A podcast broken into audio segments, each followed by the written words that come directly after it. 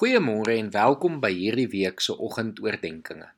Ek wil graag hierdie week die verhale wat met betrekking het met Jesus se verskyning aan mense na sy opstanding met elkeen van julle deurgaan.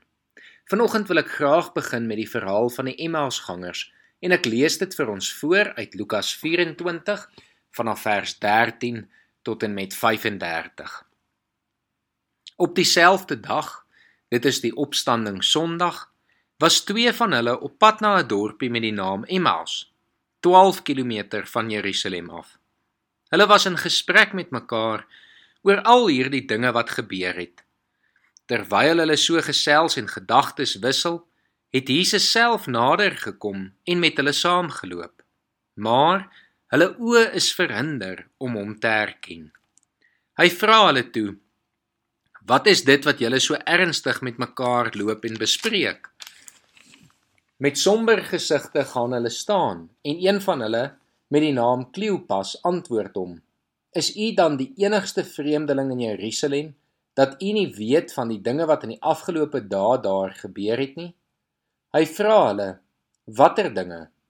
Hulle antwoord hom: "Die dinge in verband met Jesus van Nasaret, 'n profeet wat magtig was in woord en daad voor God en die hele volk, en hoe ons priesterhoofde en die lede van ons raad hom oorgelewer het om ter dood veroordeel te word en hom gekruisig het. Ons het so gehoop dat dit hy is wat Israel sou verlos. Maar boonop dis dit vandag al die derde dag van dat die dinge gebeur het. En nou het 'n paar vroue uit ons kring ons ook nog ontstel.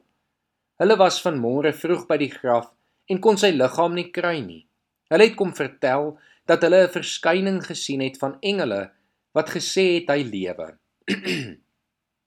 Sommige van ons mense het ook na die graf toe gegaan en dit net so gekry soos die vroue gesê het, maar hom het hulle nie gesien nie. Toe sê hy vir hulle: "Wat 'n gebrek aan begrip en wat 'n traagheid van gees. Glo julle dan nie al die dinge wat die profete gesê het nie? Moes die Christus nie hierdie dinge ly om in sy heerlikheid in te gaan nie? Daarna het hy by Moses en al die profete begin en al die skrifuitsprake wat op hom betrekking het vir hulle uitgelê.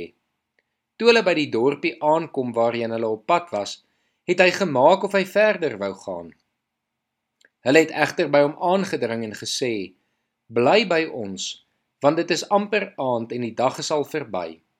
Toe het hy ingegaan om by hulle oor te bly. Terwyl hy saam met hulle aan tafel was, Neem hy die brood, vra die seun, breek dit en gee dit vir hulle. Toe gaan hulle oë oop en hulle het hom herken. Maar hy het uit hulle gesig verdwyn. Hulle sê toe vir mekaar: "Het ons hart nie warm geword toe hy op pad met ons gepraat en vir ons die skrif uitgelê het nie?" Hulle het dadelik opgestaan en na Jerusalem toe teruggegaan. Daar kry hulle die 11 en die ander mense bymekaar en die sê: "Die Here het regtig opgestaan en hy het aan Simon verskyn. Toe vertel hulle wat op die pad gebeur het en hoe hy aan hulle bekend geword het toe hy die brood gebreek het. Hierdie verhaal laat ons opnuut die vraag vra: sien ons nog vir Jesus raak? Is ons bewus van sy teenwoordigheid in ons alledaagse lewens?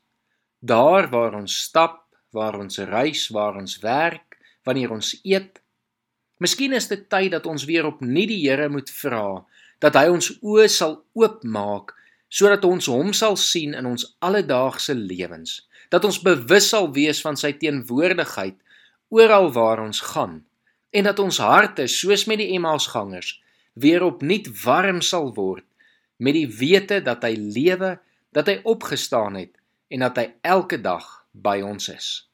Kom ons bid saam. Here, dankie vir diegene aan wie U eerste verskyn het wat getuies is van wat hulle gesien het, Here. Dat dit vir ons opgeteken is in die woord, Here, dat ons dit vandag kan lees en saam met hulle kan glo dat U opgestaan het en dat U lewe. Maar Here, vandag kom vra ons dat U ook ons oë sal oopmaak, Here, dat ons U sal sien daar waar ons beweeg in hierdie wêreld en dat ons bewus sal wees van u teenwoordigheid en sekerheid sal hê dat u elke dag en elke oomblik by ons is. Ons bid dit in Jesus Christus se naam alleen. Amen.